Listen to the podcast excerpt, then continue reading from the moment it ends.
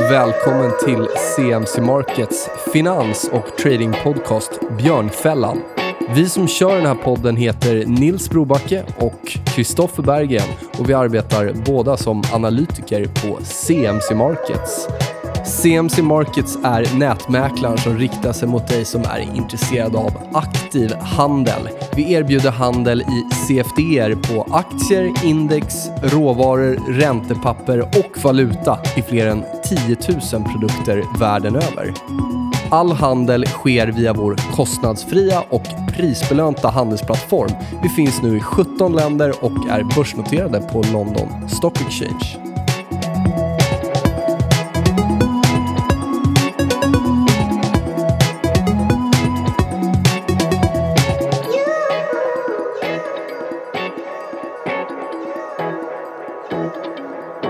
Då drar vi igång avsnitt 54 av vår podcast Björnfällan och idag har vi med oss eh, Erik Strand som förvaltar Pacific Precious, en fond som fokuserar på ädelmetaller, vilket inte är så speciellt vanligt, i alla fall inte i Sverige. Så att, eh, Välkommen!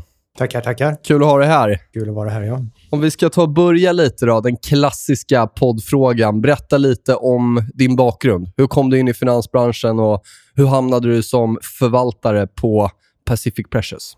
Ja, jag eh, började egentligen med eh, matematik i min bakgrund, och, eh, men kom ganska snabbt in på finanssidan.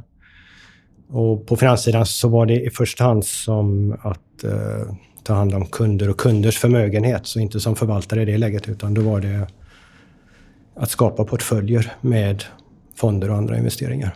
Eh, och det gjorde jag ganska länge. Eh, jag har jobbat med det 25 år. Eh, men sen så kom det in mer och mer på förvaltningsbiten och eh, sen blev jag då förvaltare på ett bolag för fonder och skapade fonder och sen nu tre år snart så är det Pacific Fonder som fondförvaltare. Så att eh, det har blivit mina egna fonder. Förut har jag liksom skapat portföljer, tänkt investeringar, jobbat med det hela tiden. Men nu är det mina fonder, så jag är väldigt stolt.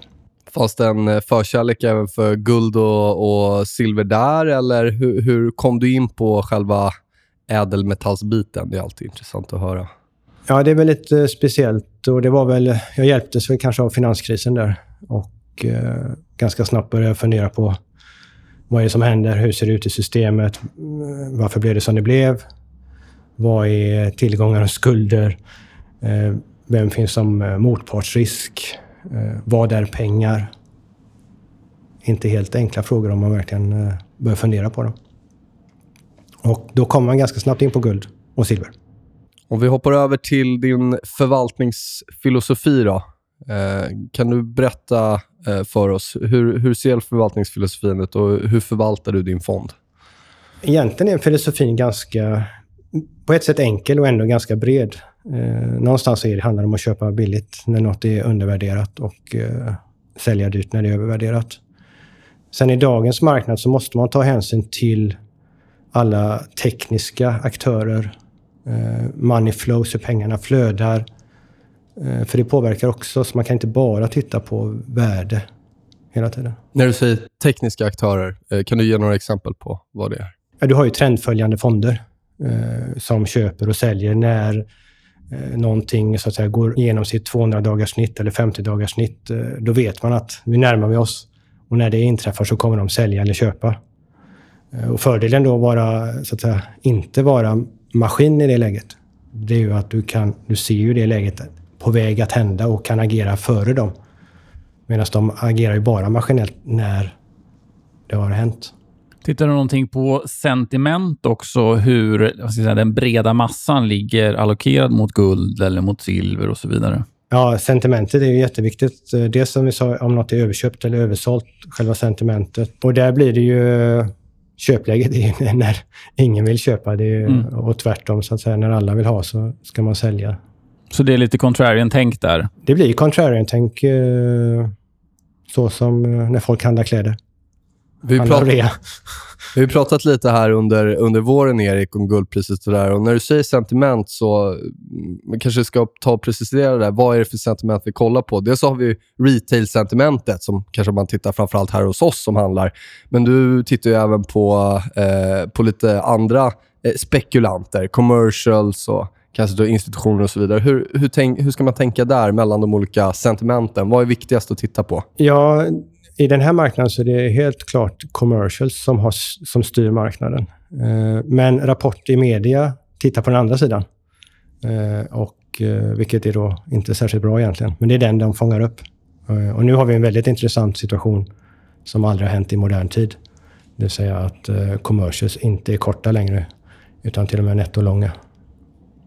Vad tror du det beror på att man är nettolång? Alltså är det någonting i marknaden som har förändrats snarare än bara prisrörelserna? Har det med, ja, har det med centralbankernas agerande att göra under krisen och så vidare? Det är väldigt... Eh, det har varit en väldigt speciell marknad och där de här aktörerna Alltså Comex, alltså råvarubörsen i USA, är ju inte en fysisk marknad på det sättet, utan det är ju pappershandel, alltså där alla långa positioner möts med korta positioner.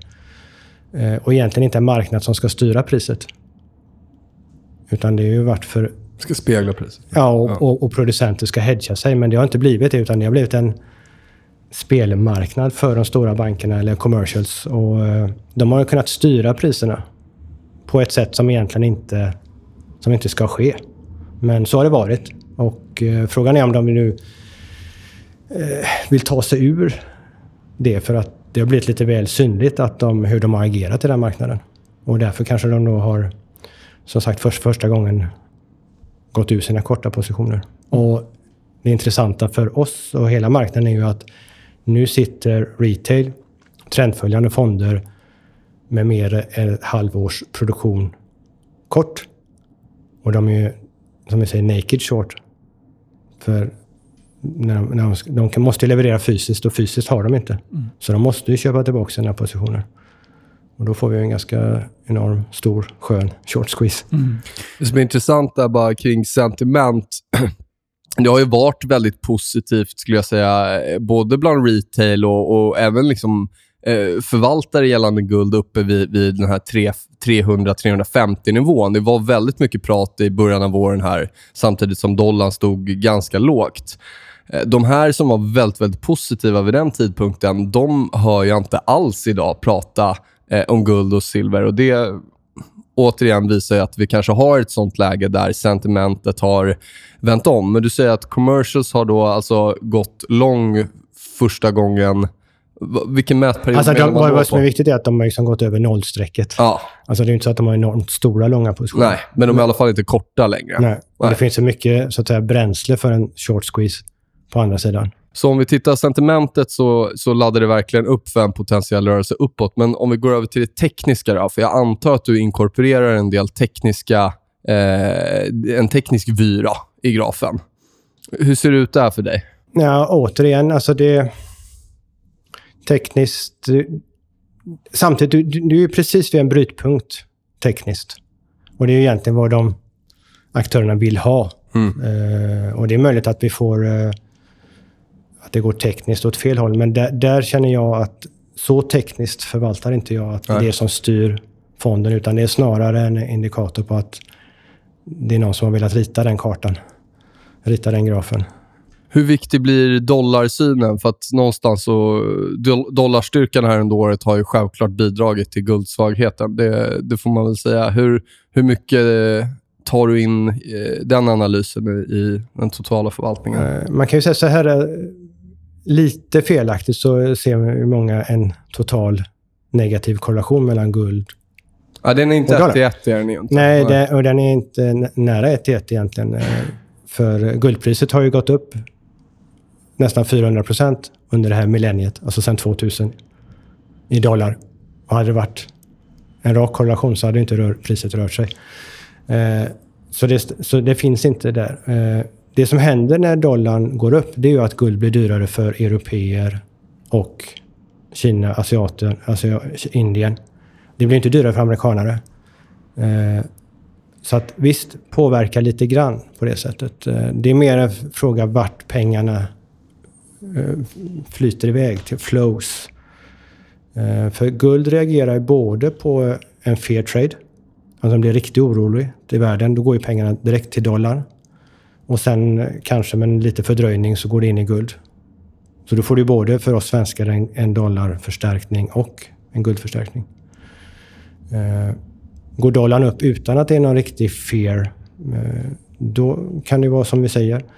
Eh, men det finns också en greed trade i, i guld. Det vill säga att när priserna börjar få fart och går upp mycket, då vill alla äga guld och då går det upp av den anledningen. Så att, eh, man kan inte förenkla det så sätt att eh, går guld upp och så går dollarn ner och tvärtom. Går... Nej, i år har det varit så, ja. men drar vi ut det så ser det inte likadant ut. Nej, det beror på vad som är bakomliggande orsaker. Om vi går tillbaka lite till hur fonden ser ut. Vi pratar om guld där, så det kan man ju förstå att du har en del positioner i guld. Men hur ser det ut i övrigt? Uh, har du silver? Har du andra typer av ädelmetaller? Jobbar du med bolag? Ja, vi har ju all, egentligen har vi ju då alla ädelmetaller, men vi fokuserar i första hand på guld och silver. Mm. Platinum palladium är också ädelmetaller som är, där palladium kan vara eh, intressant då, eftersom det är ännu mer inriktat på den industriella biten. Och även silver är ju ganska mycket på den industriella biten jämfört med guld. Mm. Tänker du då på elbilsutvecklingen och så när du pratar den industriella biten eller är det bredare än så? Ja, det, det, har du där, men eh, om vi pratar om silver så är det ju både i elbilsbiten, du har det i solceller mm. Eh, och i alla andra, även inom sjukvård och hälsovård, för silver är bakteriedödande. Så det finns väldigt många, det är ju världens näst mest använda råvara efter olja den diskrepansen där är ju väldigt många som har pratat i år att silvret har, har liksom, eh, gått ner ännu mer än vad guldet gjorde och att det fanns en intressant spread trade där. Men den diskrepansen har också fortsatt. Är det något som du tittar på eh, mellan silver och guld och har du någon syn där framgent? Ja, alltså silver är ju en eh, mycket mer volatil eh, marknad eftersom det är en mindre marknad också. Eh, om guld har en volatilitet på 12 brukar jag säga, så kanske silver ligger på 30, så det är nästan tre gånger så hög volatilitet. Så mm. att, eh, sen reagerar de ju ibland på samma eh, saker, ibland inte, eftersom silver är lite mer eh, industriellt utnyttjad och eh, får ännu mer fart kanske i ett inflationsscenario.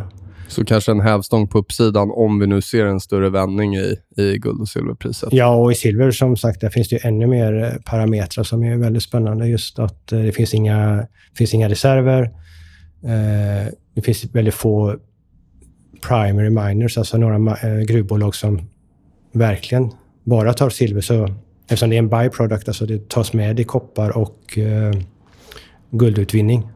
Och de ökar ju inte sin produktion bara för att silverpriset går upp. Och sen är priset... Eh, det är så lite silver i varje dator eller varje bil så att eh, slutprodukterna blir inte direkt dyrare. Så du kan ju få en fysisk brist. Får du en fysisk brist i en råvara så får du ju eh, en enorm prisuppgång. Så det finns mer det kan hända väldigt mycket mer i silver. Du pratade lite om parametrarna och har varit inne på det, vad som påverkar prisrörelserna. Men om vi börjar att titta på, på guld, vad är det man ska både positiv och negativ utveckling, men hålla koll på om man är intresserad av att investera i guld. Har du några specifika faktorer du fokuserar på som är extra viktiga för dig? Ja, alltså vi har varit inne på några av de, alltså de tekniska faktorerna, hur läget ser ut där. Vi har varit inne på Comex, hur, uh, hur de positioneringarna mm. mellan retail och commercial ser ut. Uh, men det gäller att titta på uh, den fysiska efterfrågan. Det finns intressanta saker som hur centralbankerna agerar. De har varit eh, nettoköpare varje kvartal i åtta år nu. Mm. Eh, där vi ser då Kina och Ryssland ökar sina guldreserver.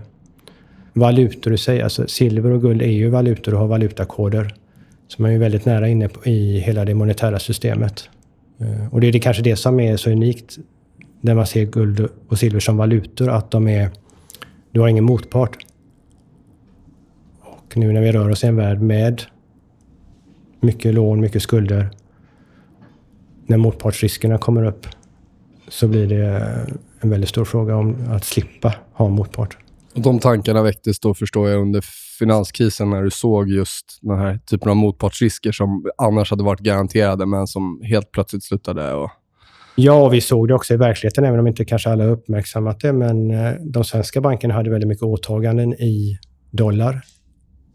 Och när finanskrisen var som hetast så fick du inte tag i dollar, inte ens bankerna. Då gick svenska Riksbanken ut och sålde 50 ton guld. Och fick dollar. För, mm. för guld får du alltid dollar. Som de gav till de svenska bankerna, eller de fick kronor då. Som de accepterade kronor. Och kunde... Så att det används eh, vid sådana lägen. Och det vet ju inte alla om hur viktigt det är. Hur, hur viktig guldreserven är. Och tittar vi, Sverige har inte så jättestor guldreserv. Men tittar vi på USA och Tyskland så har de ju 70 procent av sin valutareserv i guld.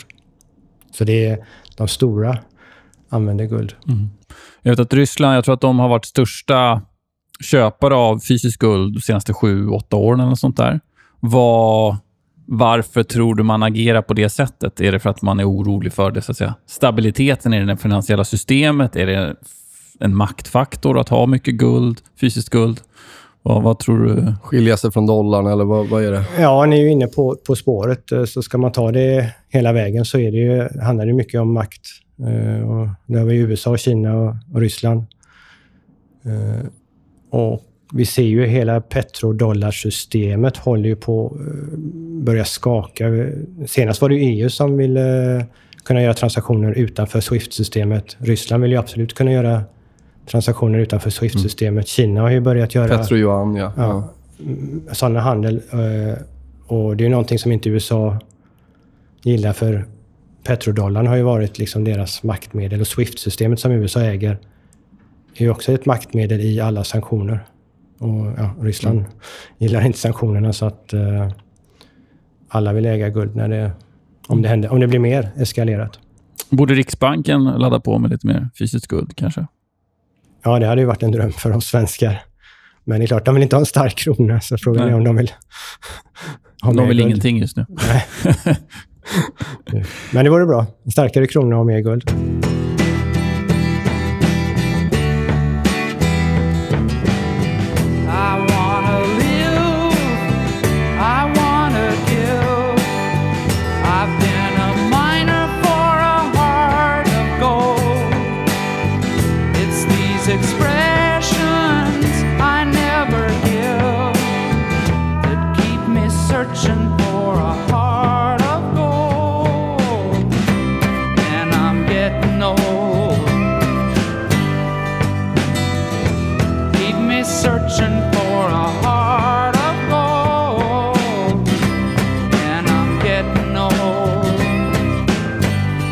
Hur tycker du man ska se liksom, ädelmetaller som en investering? Är det liksom en hedge som ska ligga hela tiden eller ska man mer ha det spekulativt, alltså kortsiktigare positioner? Om jag nu ska slänga in det i min portfölj till exempel. Ska jag ha det 5-10% allokering konstant eller ska jag jobba fram och tillbaka beroende lite på hur, hur marknaden rör sig? Alltså är man väldigt intresserad och insatt så kan man ju jobba aktivt. Eh, tanken med fonden är ju för sig just det att vi, vi gör det jobbet mm. åt investerarna. Eh, det hindrar ju inte att man kanske i och för sig tar en mindre position där man själv försöker vara ännu mer spekulativ i den biten. Men vi vill ju inte vara spekulativa. Vi vill ju vara en... Eh, vi vill ju ha en volatilitet, vi brukar säga runt 12 plus minus någonting. Eh, tar vi guldgruvbolag så har de en volatilitet redan på 40. Det är väldigt svårt att hålla kvar en sån position. Mm. Så vi vill ju att man ska att våra investerare liksom känner att det här är med i portföljen. Vi, vi utnyttjar de här situationerna i marknaden. Eh, men att man känner att man kan vara en sticky client och kan sova lugnt och inte behöver hitta trade-bitarna. Men visst finns det utrymme att göra trades. Man, man, ska ändå se det som en, om man kan säga så, long only. Alltså ni, ni går ju aldrig nettokort i... Fonden har ju möjligheten. Alltså vi har ju tre stora delar. Den ena är ju där vi har en exponering mot eh, prisutvecklingen på råvaran eh, genom ETC, överlåtbara mm. värdepapper. Eh, sen har vi ett tredje ben där vi har bolag som går bra i en bull market för guld, streamingbolag. Eh, men vi har också i den samma del eh, retailbolag som säljer guld, eh, guldsmycken som vi kanske går bättre med lägre priser då, och då överviktar vi den delen. Okay. Och sen så har vi ett, ett, tredje ben där vi egentligen bara har en spread mellan att gå kort guldgrovbolagsindex och gå lång åtta utvalda bolag. Så det vill säga, där kan vi tjäna pengar oavsett mm, om mm. priserna Så betydligt mer sofistikerat där än, än, bara en lång exponering. Ja. ja. Och, och, den första delen då med, med eh, guld och silver, där kan vi gå lång och gå kort. Men när vi ändå är inne på bolag, vad är det något specifikt du söker eh, i bolagen som du väljer att investera i? Eh, absolut. Först börjar jag med att de får vara relativt stora. Alltså inte, måste inte vara gigantiska, men någon form av, om vi ska ta i kronor, kanske 6-7 miljarder i storlek. Alltså det får inte vara små bolag. Det ska vara likvida bolag, lätta att köpa och sälja. Eh, det är, det är en, en, fakt, en hygienfaktor för mig. Eh, mm. För likviditet, när, när det smäller saker, då gäller det att kunna agera. Och, eh, så likviditet liksom, måste alltid finnas. Eh, sen tittar jag på... Eh, alltså jag, jag vill inte, bolag är ju oftast värderade, om man nu tänker på marknaden, så borde de ju vara rätt värderade. Eh, och sen kan ju ett enskilt bolag ha någonting på gång som ingen vet, eller bara de vet. Eh, det är svårt för mig att veta också. Eh, däremot så är det ju liksom mer trenden att om vi nu ser att nu finns möjligheten för silverpriset att gå upp mycket mer än guldpriset så är det intressantare att försöka hitta de bolag som är primary, som jag sa förut, alltså silver miners, alltså som i första hand jobbar med silverutvinning, för det är de som kommer få ännu mer fart med en sån bit. Så att, men kanske för mig absolut viktigaste, det är ledningen. Eh, personerna bakom bolagen. Mm. För det kan man se, det är en bransch där det är väldigt mycket skickliga människor och, och det finns en del som kanske inte är så skickliga ute efter annat. Men just att det är de stora namnen, personerna som är ledningen och ägare i bolagen. Jobbar du någonting med alltså den fundamentala analysen i form om att bolaget är undervärderat versus uh, konkurrenter liknande. För du nämnde där att om man kan få en rörelse i silver till exempel så går man mot silverbolag. Då blir det som då egentligen affären eller traden beror på silvrets rörelse snarare än bolaget i sig. Ja, det var det jag ville säga. Att jag, jag tittar, det är inte så mycket värde för mig att titta på om bolaget är undervärderat. Eh, om det är lik, två likvärdiga bolag fast det ena är undervärderat, köpa det. Utan mer intressant är att hitta liksom, eh, vilken... Min, mina idéer bygger mer på alltså, hitta en... Uh, nu i den här fonden är det så. I den, min andra fond så har vi då med elbilsscenario som vi pratade om lite kort förut. Alltså att vi vill investera i litiumgruvor. Det gör vi inte i Precious, men i den andra fonden. Alltså att det är själva idén. Uh, och inte bara bolagsspecifikt, att det är bolaget är mycket bättre än det. Utan då, då, det är traden i att nu är det silver, då vill vi äga silverbolag. Och att ledningen är rätt. Sen kanske jag får betala mer för det bolaget. Eh, men det är det värt i så fall för att det är rätt personer bakom bolaget. Men väntar du på en trigger då? Jag tänker att du börjar kolla på att silver börjar röra sig och sen gör en investering. Att du börjar få ett litet momentum i aktien eller försöker plocka aktien innan du tror att silver ska börja röra sig, så att säga. Förstår du skillnaden här? Ja, eh, absolut. Eh, men jag är nog jag är beredd att gå, gå före, så att säga. Så jag behöver inte sitta och vänta på, på de signalerna. Och det är inget allting på en gång? Jag antar att det snittas in under vissa perioder? Ja, fonden har ju sin balansering ja. hela tiden, så att vi tar ju inte några... Alltså i de här eh, åtta bolagen, där har vi ju 2% i princip mm. i varje bolag. Mm. Så att det är inte så att vi... Vi vill ju hålla riskerna nere. Hur ser det ut i övrigt då, allokeringsmässigt? Alltså hur, hur, stor andel är guld, hur stor andel är silver, hur stor andel är de mm. övriga typerna av ädelmetaller? Ja, jag, man tog en bild här nu. Där. Det är ju alltid ögonblicksbilder. Mm. Men eh, om vi nu då har 50% exponering mot råvarubiten så kanske det då är 35 i guld, 15% silver. Eh, om vi tittar på de här eh, andra benet med streamingbolag. Mm. Jag kan berätta vad det är då sen. Att det, där har vi då av de 25 procent så är det 20 procent streamingbolag. För att, och då har vi en positiv syn. Streamingbolag är bolag, man ska brukar förenklat säga att de har en hävstång gånger två på, på, på guld silverpriset. Och streamingbolag eh, är finansiärer i marknaden så att de har ingen egen drift. Utan de lånar ut pengar och så får de framtida produktion och så betalar de 25 procent av spotpriset. Så de har väldigt lite driftskostnader. Men väldigt mycket uppsida. Och vad är de noterade? Är det USA, England, Australien eller vad, vad hittar man då? Bolagen? Ja. Eller streamingbolagen? Ja. ja, det är USA vi handlar. Men vi handlar i USA, Kanada och London. Okay. Lite i Frankfurt. Men eh, bolagen är ju i USA. Uh, och sen är det då uh, gruvbolagen. Gruvbolag har ju oftast en hävstång, kanske om man nu förenklar, på fyra gånger råvarupriset. Uh, men där är vi ju lång och där är vi också korta hela tiden. Vi går aldrig nettolånga. Men vi handlar oss inte nettolånga. Ja. Vi kan drifta mm. nettolånga, men vi köper oss inte nettolånga där.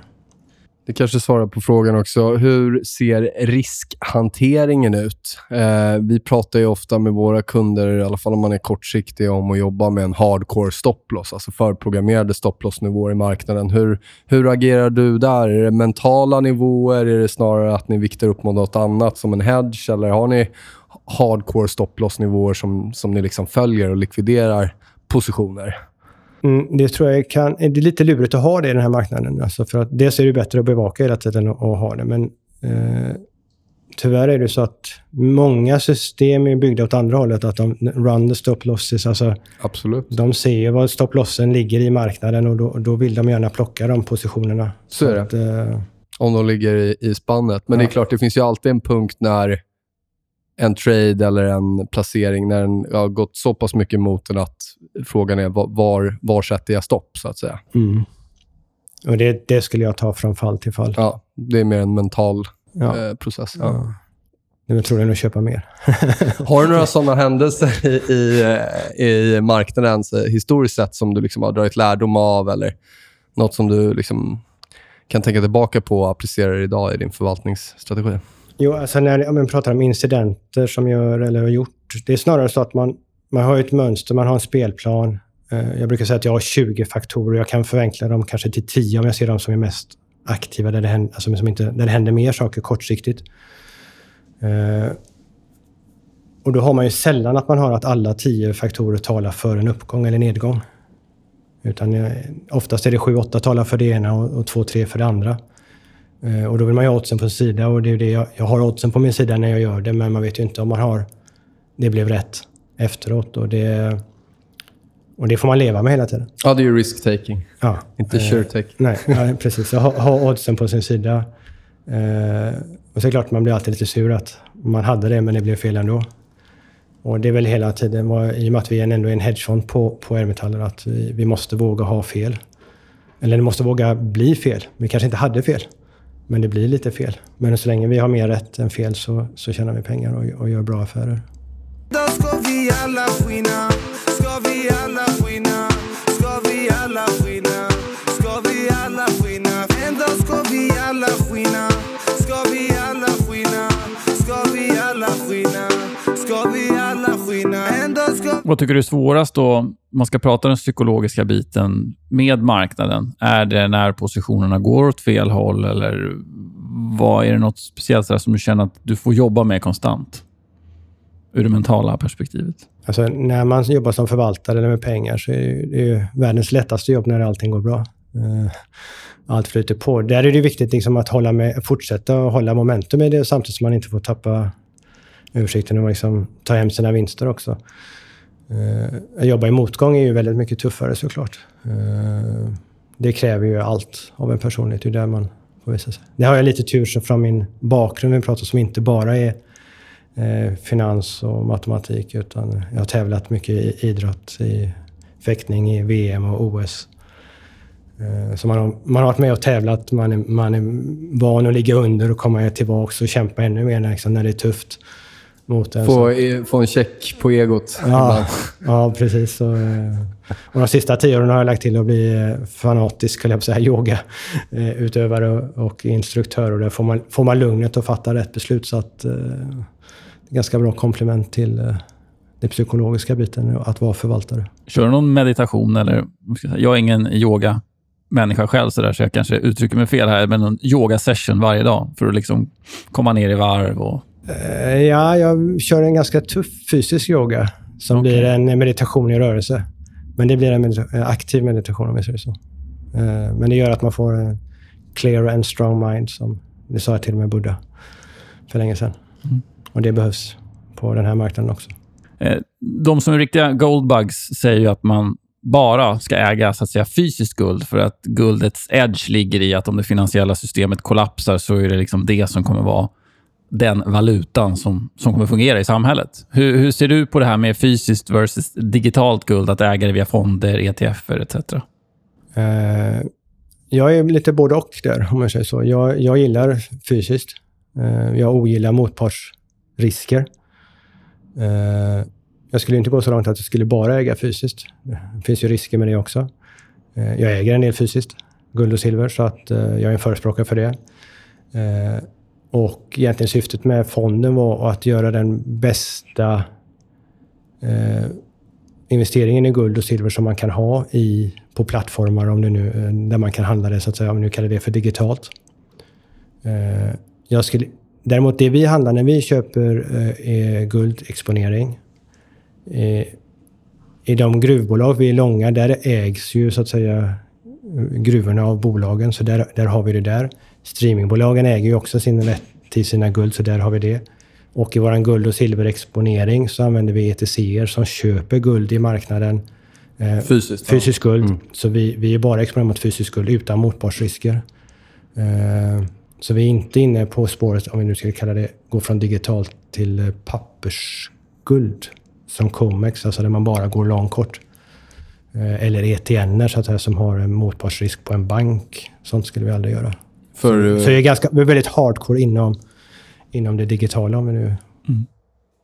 Du nämnde där förut att du går lång och kort eh, gruvbolag till exempel. Mm. Vad är det som gör att du väljer att gå kort vissa gruvbolag då? Eh, när jag går kort eh, så gör jag det faktiskt via index. Eh, så jag gör en stockpicking som är alfa och så gör, går jag kort index. Och det är där jag använder fonder, ETFer, går kort. Alltså, de är ju färdiggjorda, korta. Mm.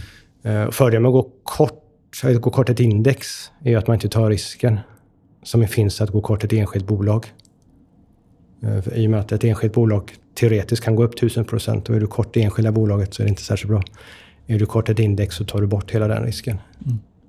Så att eh, där handlar det om att våran stockpicking är bättre än index helt enkelt. Och den stockpickingen, baseras den också på momentumet som när vi pratar om de här streamingbolagen eller är det fundamentala faktorer när du väljer själva gruvbolagen?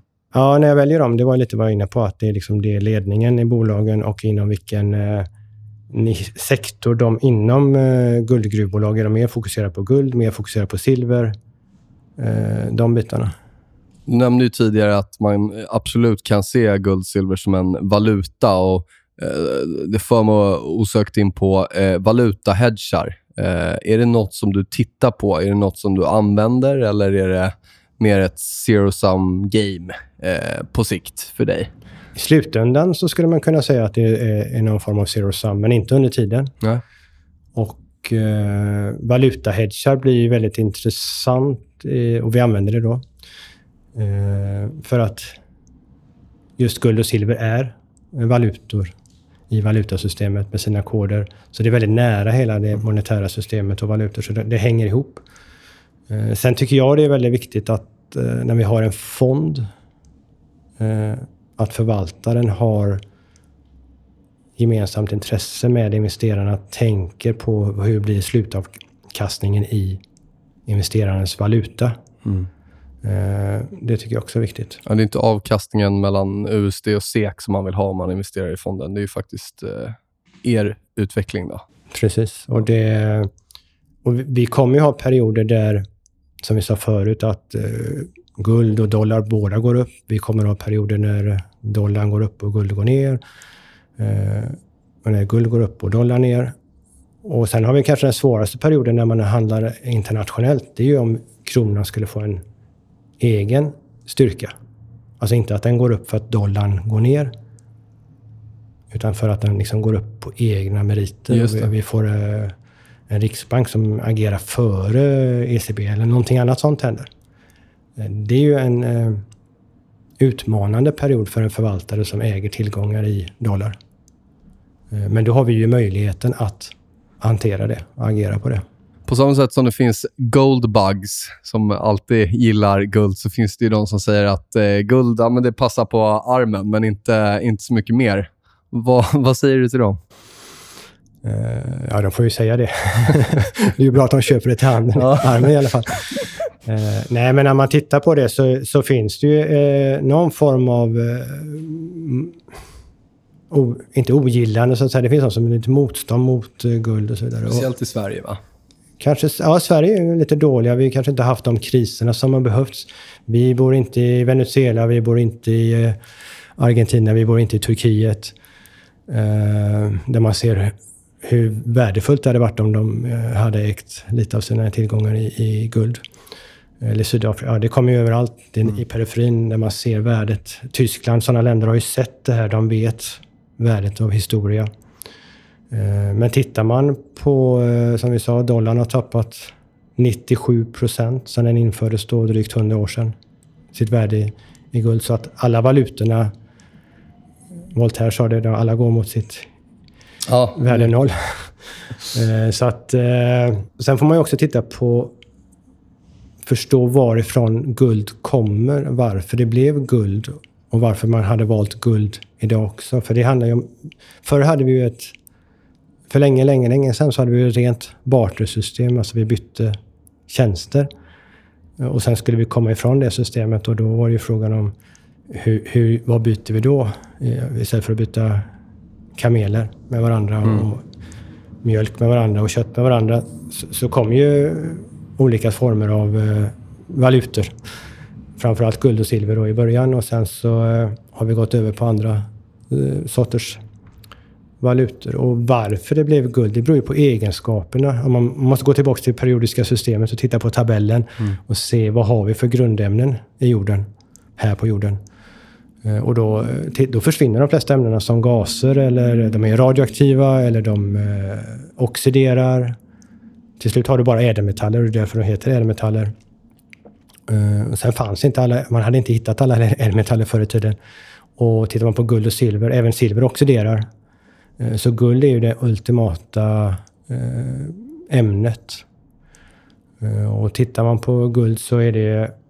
Det reagerar inte ens. För det släpper inte ifrån sig sina... Alltså så det, och det används även idag i high-tech. Alltså det, det är överallt. Det går inte att ersätta guld. Ja, finns det- det någon gång historiskt sett som guld inte har varit eftertraktat eller liksom ansett som något värdefullt?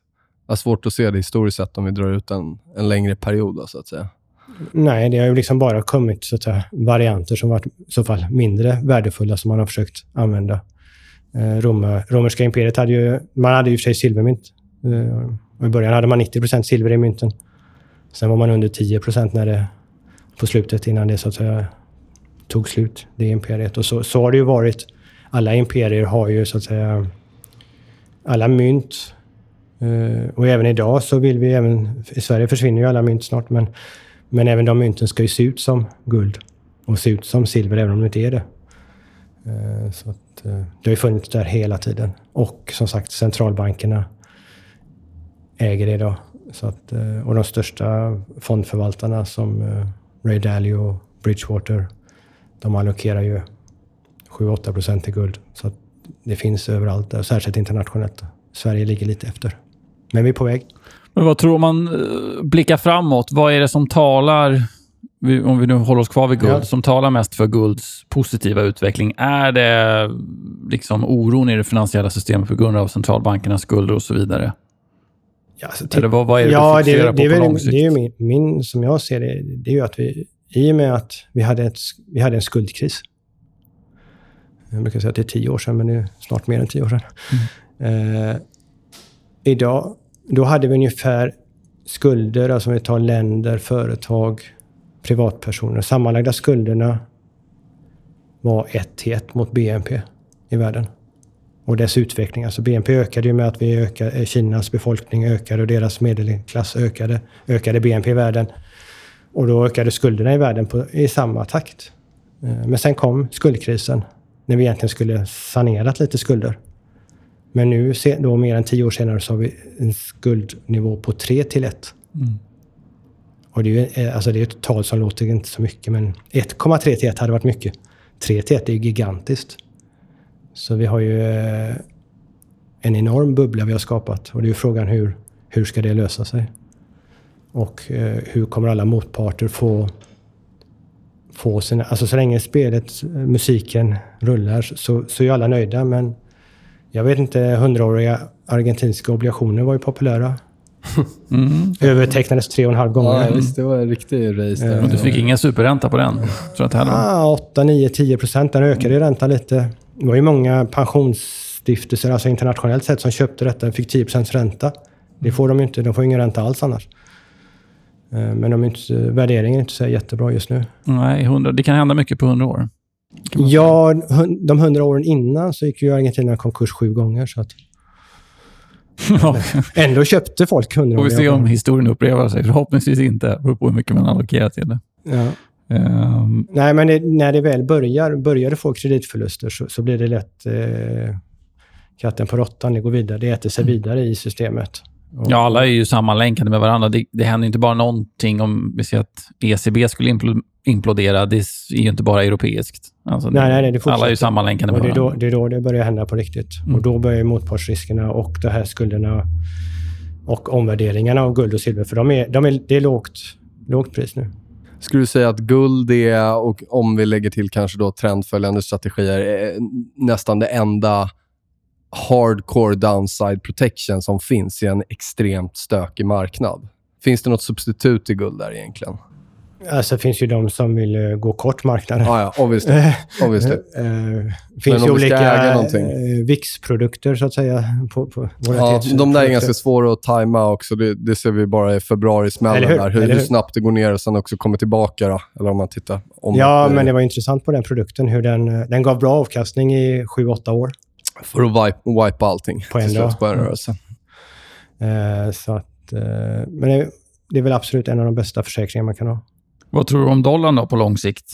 Den är ändå, vi har pratat om det, korrelationen mot guld och så vidare, men även de som är goldbugs och säger att man ska äga fysiskt säger då dollarn har ju nått sin, liksom, sitt herravälde. Det håller på att ta slut. King dollar är över. Vad, vad tror du om dollarn på lång sikt? Alltså på ett sätt är det, är det ju rätt att King Dollar skakar. Eller att de andra länderna inte vill riktigt vill spela det spelet längre. Och de börjar ju verkligen göra saker. Och nu är det inte bara Kina och Ryssland utan även EU pratar om det med Iranfrågan. Hur kan vi betala på olika sätt? Så att någonting händer. Och det är en ganska stor händelse. Eh, sen får man inte glömma att någonstans så har ju dollarn varit best of the rest. Det har inte funnits några andra bra valutor. Alltså in, och inte ens alltså, klassiskt. Tidigare fanns ju schweizerfrancen. Eh, men de har ju liksom... De vill ju inte ha en stark schweizerfranc. Eh, de har gjort allt för att sänka den. Så att, eh, och nu har de ju lånat upp mycket pengar för att göra det. Så att det känns inte särskilt stabilt längre. Och så mycket banker de har i lilla Schweiz så det är också ganska farligt. Så att, eh, best of the rest och det, det kan ju fortsätta ganska länge innan eh, den trenden bryts. Så att, eh, sen kör de ganska mycket underskott nu. Mm. Och, eh, men alla verkar tycka det är okej. Men jag tror att dollartraden är, som det ser ut, så- som jag ser marknaden nu, så är det i princip nästan, inte, jag ska inte säga alla, men väldigt, väldigt många i lång dollar. Eh, I, det är jätteintressant för att i början av året, på samma sätt som alla var positiva till guld där, så var, pratade alla om dollar endgame och var väldigt negativa till dollarn. Eh, och så nu när den här stora rörelsen i dollarn har kommit upp, gått 20% mot seken till exempel, ja, men nu pratar alla om dollarstyrka. Så nu har he, liksom, hela, hela den här skocken vänt om. Så att om man nu tror på det här långsiktiga eh, liksom, förstörelsen av dollar, då är ju risk-rewarden fantastiskt mycket bättre nu än vad den var i, i början av året, så att säga, när alla pratade om det. Ja, absolut. Eh, Som du säger, risken är ju där nu. Att den vänder. Men sen har vi ju gigant, alltså all, många länder har ju väldigt stora valutareserver i dollar, så den, den kommer inte dö över en natt. Eh, men det är klart att det kanske börjar fasas ut. Ja, alltså, jag tror dollarn klarar sig, på ett sätt klarar den sig ändå bra för att liksom, det finns inga alternativ Nej. åt de andra hållen. Vem vill, det är ingen som vill äga kronor, ingen som vill äga euro. Och, eller alla trycker pengar. Eh, så såklart, det finns ju mycket case för att dollarn, men de höjer, det finns ränta. eh, eh, Så att det, det finns inget annat alternativ riktigt. Eller de har inte hittat det där andra alternativet. Bitcoin. Då blir det en lång inte. Har du någon syn där på krypto? Det är ju ändå en ny form av guld, kan man väl säga. Eller många vill ju säga det i alla fall, det är väl 20 000 där. Men, men eh, vad är din syn på krypto? Ja, jag har haft eh, dragningar om kryptos. Eh, jag vet att det är lite farligt att uttala sig om det. Man kan, det finns så mycket eh, åsikter om det. Men man måste skilja på tekniken. Om vi nu tar först blockchain. Absolut, jättebra föra över. Eh, tittar man på snabbhet så är det, det är inte snabbt med blockchain i lokal handel. Alltså då är ju Visa och Mastercard mycket snabbare att föra över pengar, mängder av transaktioner. Tittar man på utlandstransaktioner så fungerar det ganska bra jämfört eh, den biten. Det finns ju ett intresse till exempel för Ryssland att använda blockchain för att föra över, göra transaktioner. Men gör Ryssland en e-rubel så kommer inte den vara värd mer än en vanlig rubel. Det är bara ett annat sätt att föra pengarna och att någon kanske tar betalt för att göra tjänsten och föra pengar, som i blockchain. Samma sak om Sverige skulle göra en e-krona så kommer inte den bli mer värd än en, annan krona. Eh, så jag har väldigt svårt att se att det finns ett värde i något namn, om ni nu säger bitcoin eller ethereum eller ripple. Eh, särskilt för att de är ju alla har olika egenskaper. De blir hela tiden bättre och bättre. Så att om du har bitcoin 1 och så kommer en bitcoin 2 som är mycket bättre, säkrare och snabbare. Vad är värdet i bitcoin 1? Så de tar ju egentligen ut sig själva i, i den frågan. Eh, och sen har det funnits olika intressen i att de är hur, hur spårbara de är eller inte.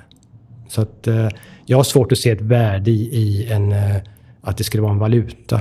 Utan eh, det är bara ett sätt att föra över, transa- göra transaktionerna. Där är ju blockchain stort. Ah,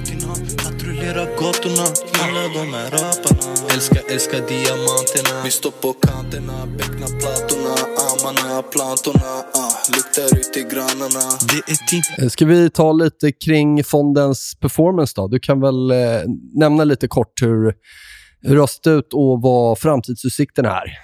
Ja, vi, hade ju, vi kom igång i februari 2016 och eh, målet var ju att få starta 1 januari 2016 så man fick ett, helt helår där. Eh, men eh, ibland tar det tid med Finansinspektionen att få fonder på, eh, igång och eh, det var lite synd för januari. Det var ju starten på den nya babybullen så att säga, som startade precis där så att vi missade ju 10% avkastning plus minus den första månaden där. Men eh, det blev ett bra år. Det fortsatte ju det babybullen. Så vi var ju...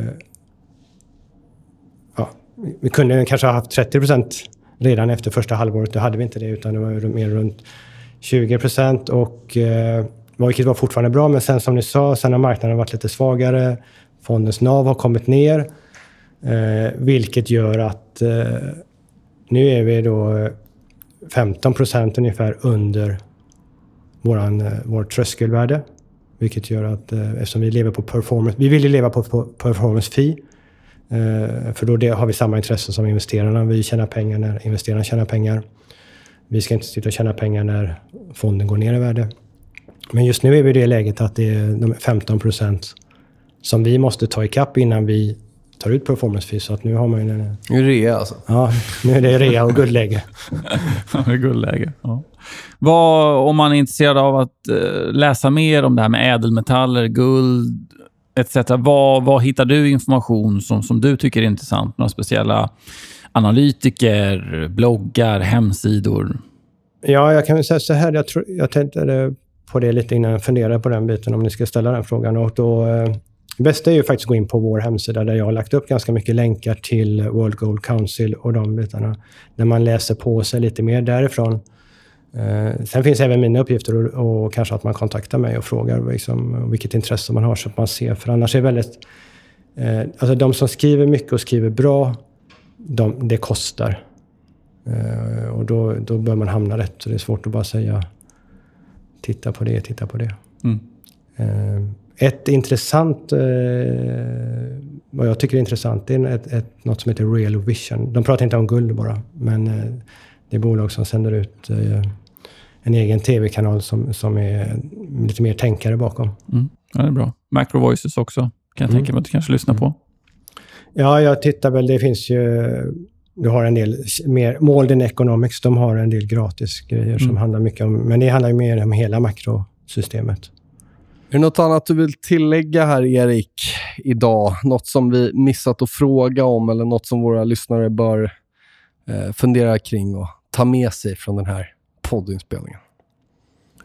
Ja, jag tror inte vi har missat någonting, men jag tror det är viktigt att man verkligen kommer igång med en allokering. Eh, kanske bör man egentligen ha en allokering på 20 åt det här hållet. Eh, och det kan vara mycket för många, men man bör ändå ta det där 5% steget att allokera 5 så man är med i alla fall. Ja, och Bör få röra med, sig. känna på det. Och då har man lite historia. När det väl börjar hända saker så har man lite lättare att agera och, och fortsätta det spåret. Jag tror det brukar sällan funka att agera när det har hänt. För det, det, man vill tro det, men det blir inte så.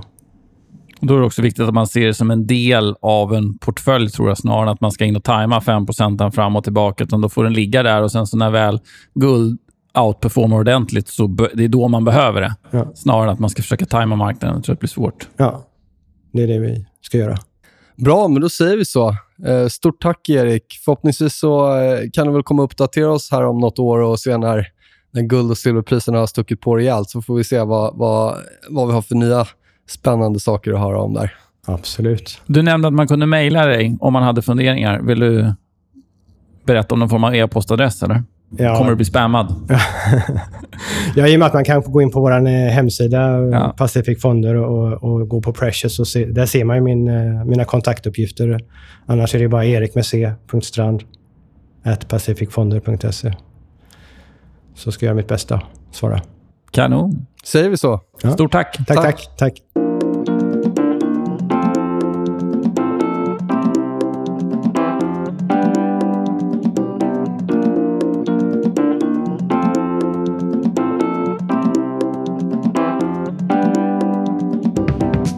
Trevligt avsnitt med Erik Strand där, måste jag säga. Spännande. Mm.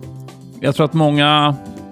I Sverige är vi väldigt aktiefokuserade och eh, fondfokuserade mot just aktier. Men eh, att ha en andel ädelmetaller kan nog vara bra för den långsiktiga avkastningen. Ja, äger man inte guld så känner man inte till historien, var det någon, någon som sa. Jag kommer inte ihåg vem det var, men det var ganska bra sagt. Ja, mycket bra sagt. Annat frågor och funderingar kan inte höra av er till oss som vanligt. Besök TradeCMC, vår fantastiska nyhetssida. Eh, annars så har jag väl inte så jättemycket mer. Jag får tacka för mig. Kristoffer, har du något mer där? Nej, vill man veta mer om fonden, som sagt, gå in på Pacifics hemsida. Den finns eh, på Nordnet, Avanza och andra eh, plattformar. Daglig likviditet denominerad i SEK, så det är bara in och kika där om det finns intresse helt enkelt. Säger vi så. Ha det gött! Hej då!